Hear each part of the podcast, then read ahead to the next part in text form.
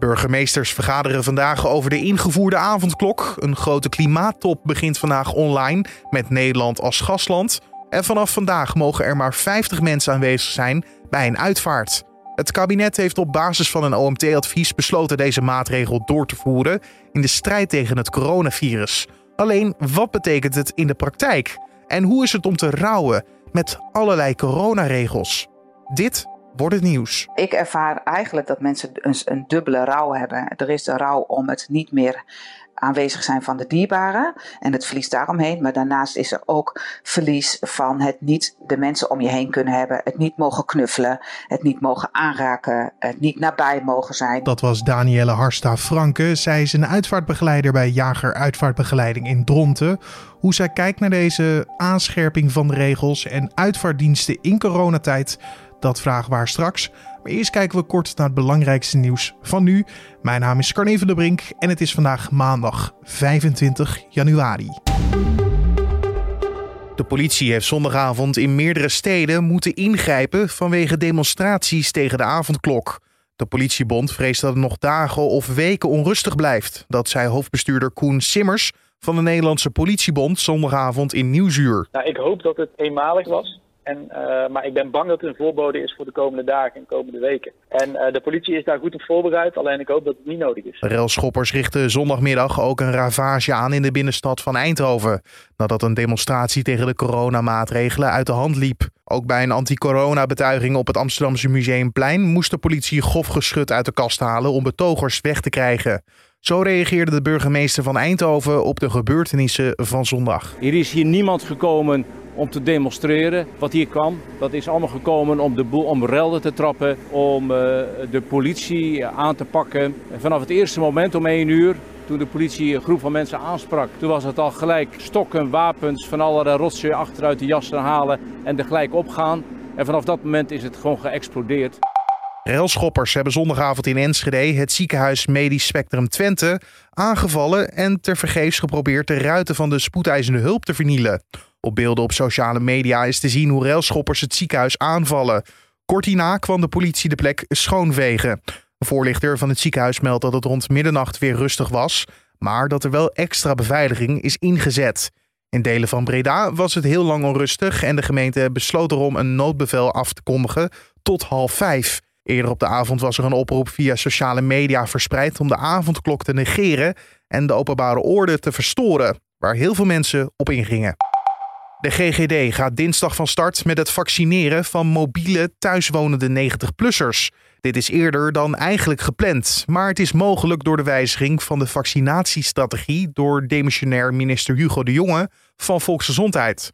Woensdag begint de GGD met het geven van de tweede inenting aan zorgpersoneel. Dit komt drie weken nadat zij een eerste prik ontvingen. De GGD verwacht in de loop van februari wekelijks 200.000 inentingen te kunnen verrichten. Dat aantal moet in de maanden daarna nog verder oplopen. Het aantal buitenlandse toeristen wat vorig jaar naar Nederland kwam, is enorm gedaald. Iets meer dan 7 miljoen buitenlandse toeristen kwamen nog naar ons land. In 2019 waren dat er nog ruim 20 miljoen. Dat meldt het Nederlandse Bureau voor Toerisme en Congressen. De verwachting voor dit jaar zijn door het voortwoekeren van de coronapandemie ook niet gunstig. Het bureau heeft drie scenario's uitgewerkt over hoeveel toeristen ons land dit jaar mag verwachten.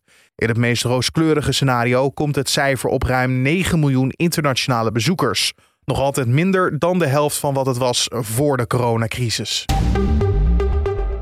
Vanaf vandaag mogen er nog maar 50 mensen aanwezig zijn bij een uitvaart. Dat waren er eerst 100, maar door een advies van experts is dit aantal gehalveerd. Allemaal om verdere verspreiding van het coronavirus tegen te gaan en zeker onder groepen.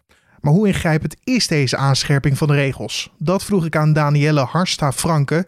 Zij is een uitvaartbegeleider in Dronten bij Jager Uitvaartbegeleiding. Nou, mijn ervaring is dat eigenlijk op dit moment en eigenlijk ook al het hele jaar, het afgelopen jaar, uh, de uitvaarten heel klein zijn. Omdat je ook te maken hebt met verschillende locaties. En die mensen moeten wel op anderhalve meter van elkaar uh, in de ruimte plaats kunnen nemen. Dus men kijkt vaak naar de aantal kubieke meters en daar worden de aantal personen op afgezet, zeg maar.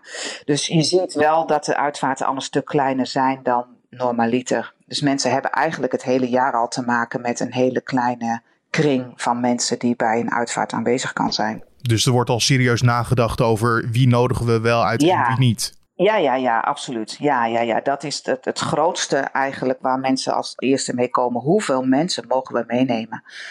Dat is eigenlijk een van de eerste vragen. Ja, hoe lastig is, is het om te bepalen van wij nodigen wel jou uit, maar we kunnen jou niet uitnodigen? Dat lijkt me knap lastig.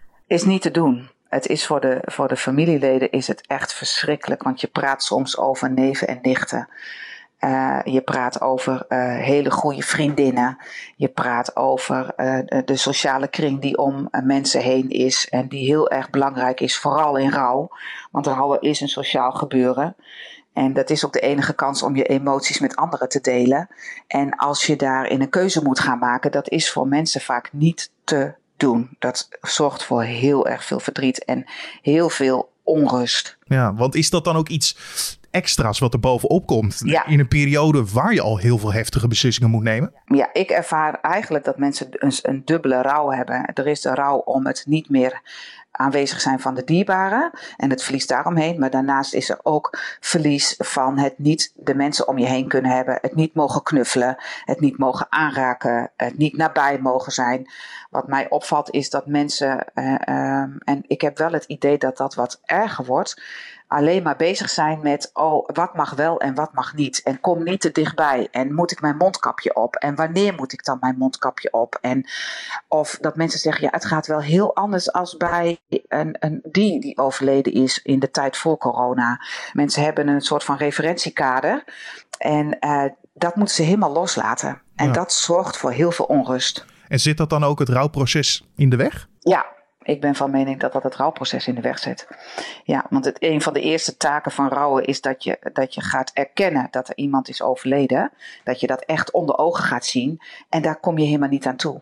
Daar nee. kan je niet mee bezig zijn. Want jij zegt ook, ja, even snel, gewoon zonder bij over na te denken, iemand een knuffel geven of ja. zoeken naar de steun. Uh, ja. ja, dat, dat staat natuurlijk zwaar onder druk in deze tijd. Ja. Dat kan bijna niet. Of je nee. moet in dezelfde bubbel zitten. Ja, ja, en vaak hè, dan is het toch wel zo dat, en ja, vooral als, je, als, als er in een direct gezin een vader of een moeder komt te overlijden, ja, natuurlijk zijn die kinderen daar in huis. En uh, uh, ik, ik kreeg vorig jaar een vraag van een kleindochter die daar echt wakker van gelegen had. Van ja, maar mag ik dan nu wel naast papa en mama in de aula zitten? Weet je, ik zeg ja, natuurlijk mag jij dat. Want je bent hier de hele week al met elkaar. Dus ga ook vooral bij elkaar zitten. Want jullie je zit al in een bubbel. En dan, uh, maar gewoon al, ik vind het al zo verdrietig dat men daarover na aan denken is. Van wat mag en wat kan. En krijgen we dan geen boete? Of worden we niet door de medewerkers van de, van de kerk of van de aula uit elkaar getrokken? Uh, er komen zoveel andere vragen naar boven. En hoe is dat voor jou dan als, als begeleider van, van het geel? Nou, ik denk dat ik dat wel het alleringewikkeldste vind om, om, om um, daarin uh, een soort van rust te creëren. Want ja, ik ben zelf ook heel, heel lijfelijk en ik mag heel graag mensen aanraken. Dus het is voor mij al heel lastig om dat dan in deze periode niet te doen. En als ik dan echt uh, familieleden heb die echt zeggen: ja, maar mogen we elkaar wel vastpakken? Ja, ik, ik ga niet zeggen dat dat niet mag. Mm-hmm. Dat doe ik niet. Maar... En ik weet dat het niet goed is. Ik, ik zeg natuurlijk wel van het is jullie eigen verantwoordelijkheid. En, uh, um, en ik zal proberen mijn afstand te bewaren. En voor de directe familie, ja, zeg ik van ja, weet je, je bent de hele week al samen. En je kan in die week niet zonder steun van die schouder of die arm om je heen. Dat gaat niet, want mensen zakken letterlijk door de benen. Jij wil natuurlijk ook niet rondlopen als een soort politieagenten. Nee, maar dat doe ik ook niet. Ik wijs mensen op de verantwoordelijkheden. Ik zorg dat ik zelf, hè, ik ben verantwoordelijk ook voor mijzelf. En natuurlijk vertel ik van jullie mogen nu de mondkapjes op en nu mogen de mondkapjes af. Uh, hè, en wanneer dat allemaal aan de orde is. En de, ik hou mij aan de regels. En, en daarnaast probeer ik binnen die regels toch wel de randjes een beetje op te zoeken. Ja, ja. ja het is niet goed, dat snap nee, ik best. Ik snap, maar, uh, denk dat heel veel mensen het met jou snappen. En ik denk dat, dat ook de mensen die ermee te maken hebben daar goed over nadenken. Kijk, ja. het is een kwestie van dat het uit de klauwen loopt of dat het gewoon gecontroleerd wordt. Ja, precies. Daar zit denk ik wel ja. een heel, heel duidelijk verschil in. Ja, weet je, en mensen zijn in verdriet. En, je, en, en mensen die verdriet zijn, die, die in verdriet zijn, die hebben steun nodig. En het is bijna niet te doen om die steun niet te kunnen ontvangen. Hm. Dat gaat niet. Nee. En je kan het maar één keer doen en je kan het nooit meer overdoen, dit. Nee, want je zei net ook al dat, dat mensen natuurlijk ook nu geconfronteerd worden met tijdens een dienst het dragen van een, een mondkapje. Weet je, hoe, hoe, is dat dan? Dat, dat je een soort van schild voor jezelf op moet hebben. Ja, ja, nou wat ik wel merk is dat mensen, uh, dat, dat, dat ook wel dierbaren zijn die het ook wel fijn vinden, want ze kunnen zich verschuilen achter het mondkapje. Hè, dus de emotie is veel minder zichtbaar. Uh, ik vind dat heel ingewikkeld, want ik kan dus niet inspelen op de emotie die, ik, die, die voor mij zo zichtbaar te zien is, vaak op het gezicht. Dus dat is heel lastig. Uh, je merkt dat mensen, dat het afstand creëert, letterlijke afstand tussen dierbaren. Dus uh, op het moment dat het mondkapje opgaat van ja, oké, dan, dan is er helemaal geen afstand. Mensen vinden het vooral bij het binnendragen van de overledene in een aula of in een kerk heel ingewikkeld dat ze dat mondkapje op moeten. Want het creëert afstand. En ik snap dat het moet en iedereen snapt dat het moet. Maar emotioneel is het een, uh, ja, zorgt het voor heel veel afstand. We hebben het nu nadrukkelijk gehad over ja, de negatieve kanten van deze coronatijd. Maar brengt het gek genoeg ook nog ja, voordelen met zich mee? Nou ja, ook, dat zien we ook wel. Uh, waar ik uh, ongelooflijk veel respect en eerbied voor heb, is de veerkracht die er onder de nabestaanden is. Want die is echt enorm aanwezig. Ik vind dat heel erg knap om te zien. En uh, je ziet ook wel dat juist doordat het in een kleinere groep de uitvaart plaatsvindt, het vaak veel. Um, het gaat niet zo stijf, het gaat niet zo volgens een programma. Er is veel meer ruimte voor wat uh, spontaniteit uh, kleinkinderen die in één keer zeggen: Oh, maar nu wil ik wel voor opa of oma een gedichtje voorlezen, want we zijn toch met elkaar, dus nu durf ik dat wel. Of uh, mensen die in één keer zeggen: Ja, maar ik wil wel graag op een, op een gitaar of op een orgel of een piano wat spelen. Juist omdat het groepje wat kleiner en veiliger en intiemer voelt, durven mensen wat meer uit hun comfortzone te stappen. Het is dus alleen de vraag of je het wel goed op het moment zelf afsluit. Of dat je het toch mee naar huis neemt en dat je het nog niet helemaal een plekje hebt kunnen geven. Ja, die twijfel die zit vooral in het aangaan van de emotie, omdat men zo druk is met andere dingen. En, als, en ik denk dat daar een hele grote taak ook voor de uitvaartbegeleiders liggen. Dat als je in staat bent om dat weg te nemen bij uh, de nabestaanden en te zorgen hè, om, en dan terug te kunnen gaan naar de kern waar het eigenlijk om draait. En dat is het, het, het afscheid en het, het, het, het, uh, het, het verdriet. Als, als je dat lukt, ja, dan is er weer ruimte ook voor de familie om dat proces van die rouw in te gaan. En om te kijken van, hé, hey, maar wat willen wij nou eigenlijk met elkaar? En wat kunnen we nog? En ja, er is best heel veel mogelijk. Ja, um, we leven in een tijd natuurlijk waar heel veel families afscheid moeten nemen van een dierbare door... Ja ja, dat verschrikkelijke virus uh, ja. waar iedereen de naam van, van zal weten. Ja. Um, hoe denk jij zelf dat je er als, als alles achter de rug is, laten we hopen dat dat snel is, dat je er zelf op terug zal kijken, deze opmerkelijke en bizarre tijd. Ook voor jou natuurlijk, die heel veel families bij moeten staan. Dat is een goede vraag. Ik denk een beetje tweeledig. Ik denk dat toch ergens ook de, bij mij de nederigheid overheerst van het feit dat ik die mensen in deze tijd heb mogen begeleiden. Dat mensen mij toelaten. De, hè, dus ook, ja, ik voel me altijd heel nederig als ik binnen, uh, binnen een familie instap die met zoiets verschrikkelijks te maken heeft, vooral in deze tijd. Um, en daarnaast heb, maak ik me ook wel zorgen over de families die, uh, die iemand moeten wegbrengen in deze tijd, omdat het zo anders is. Dus het is heel tweeledig. Ik, ik merk toch, hè, wat ik net al zei over de veerkracht van de mensen, dat mensen zo dankbaar zijn aan het eind van de dienst en zeggen: Oh, hè, in dit geval dan, als het om mij gaat, Danielle, dank je wel voor wat je voor ons hebt kunnen betekenen. En uh, ik hoop alleen wel dat mensen door kunnen. Hè? Want ze hebben toch echt ook die sociale kring om zich heen om door te kunnen gaan.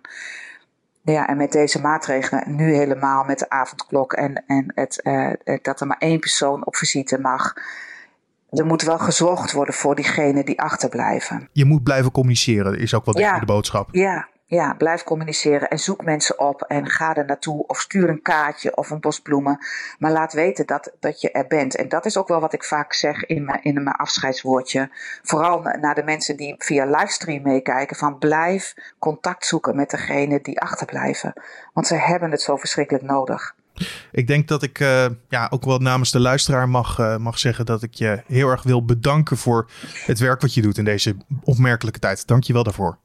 Nou, dankjewel. Dat was uitvaartbegeleider Danielle Harsta Franke. En dan duiken we nog even in de nieuwsagenda van vandaag. De 25 burgemeesters die voorzitter zijn van een veiligheidsregio vergaderen in Utrecht over de handhaving van de nieuwste coronabesluiten van het kabinet, waaronder het instellen van de avondklok. Het Veiligheidsberaad komt vanwege de avondklok niet zoals gebruikelijk s'avonds bijeen, maar aan het einde van de middag. Dat geeft alle deelnemers de gelegenheid om voor 9 uur s'avonds thuis te zijn.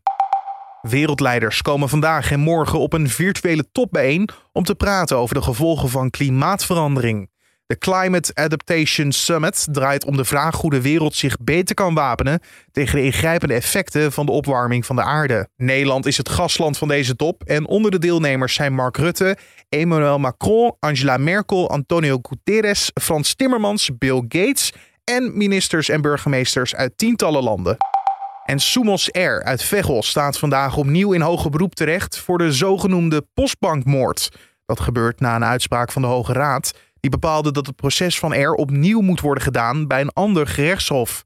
Het draait om de bekentenis die Air mogelijk onder druk heeft afgelegd tijdens een undercover-operatie van de politie, die bekend staat als de Mr. Big-methode. Tot zover de nieuwsagenda van vandaag. En dan over naar het weer. Want wat voor dag gaat het vandaag worden? Je hoort het van Raymond Klaassen van Weerplaza. Het is koud in Nederland. De temperatuur ligt op veel plaatsen nog onder het vriespunt. En in Limburg kan het zelfs nog wat sneeuwen. De sneeuw die trekt geleidelijk aan naar het zuidoosten weg. Verder blijft het dan vandaag op de meeste plaatsen droog en is er ook ruimte voor de zon. De temperatuur die loopt op naar een graad of 4 à 5 en er waait een matige wind uit het zuidwesten. Vanavond kunnen er in het noordwesten geleidelijk aan weer een paar buien gaan vallen, mogelijk ook met wat winterse neerslag. De temperatuur die daalt dan tot rond het vriespunt. Dankjewel Raymond Klaassen van Weerplaza. En dan zijn we alweer aan het einde gekomen van deze podcast voor de maandag 25 januari. Vanmiddag zijn we weer terug met de middageditie van deze podcast. En die kan je op de voorpagina van nu.nl vinden, zoals deze, of natuurlijk in je favoriete podcast-app. En denk dan aan een Spotify, Apple Podcast of Google Podcast. Help ons met vragen, suggesties, feedback, allemaal door te sturen naar podcast.nu.nl. Dat is ons mailadres podcast.nu.nl. En daar kijken we naar om uh, inspiratie op te doen voor de podcast of een beet te maken dankzij jouw feedback. Of gewoon de vragen mee te nemen naar onze openbare redactievergadering die vrijdag weer plaatsvindt. Dus dankjewel alvast. Mijn naam is Carne van der Brink. Ik wens je een hele mooie dag vandaag en bedankt voor het luisteren.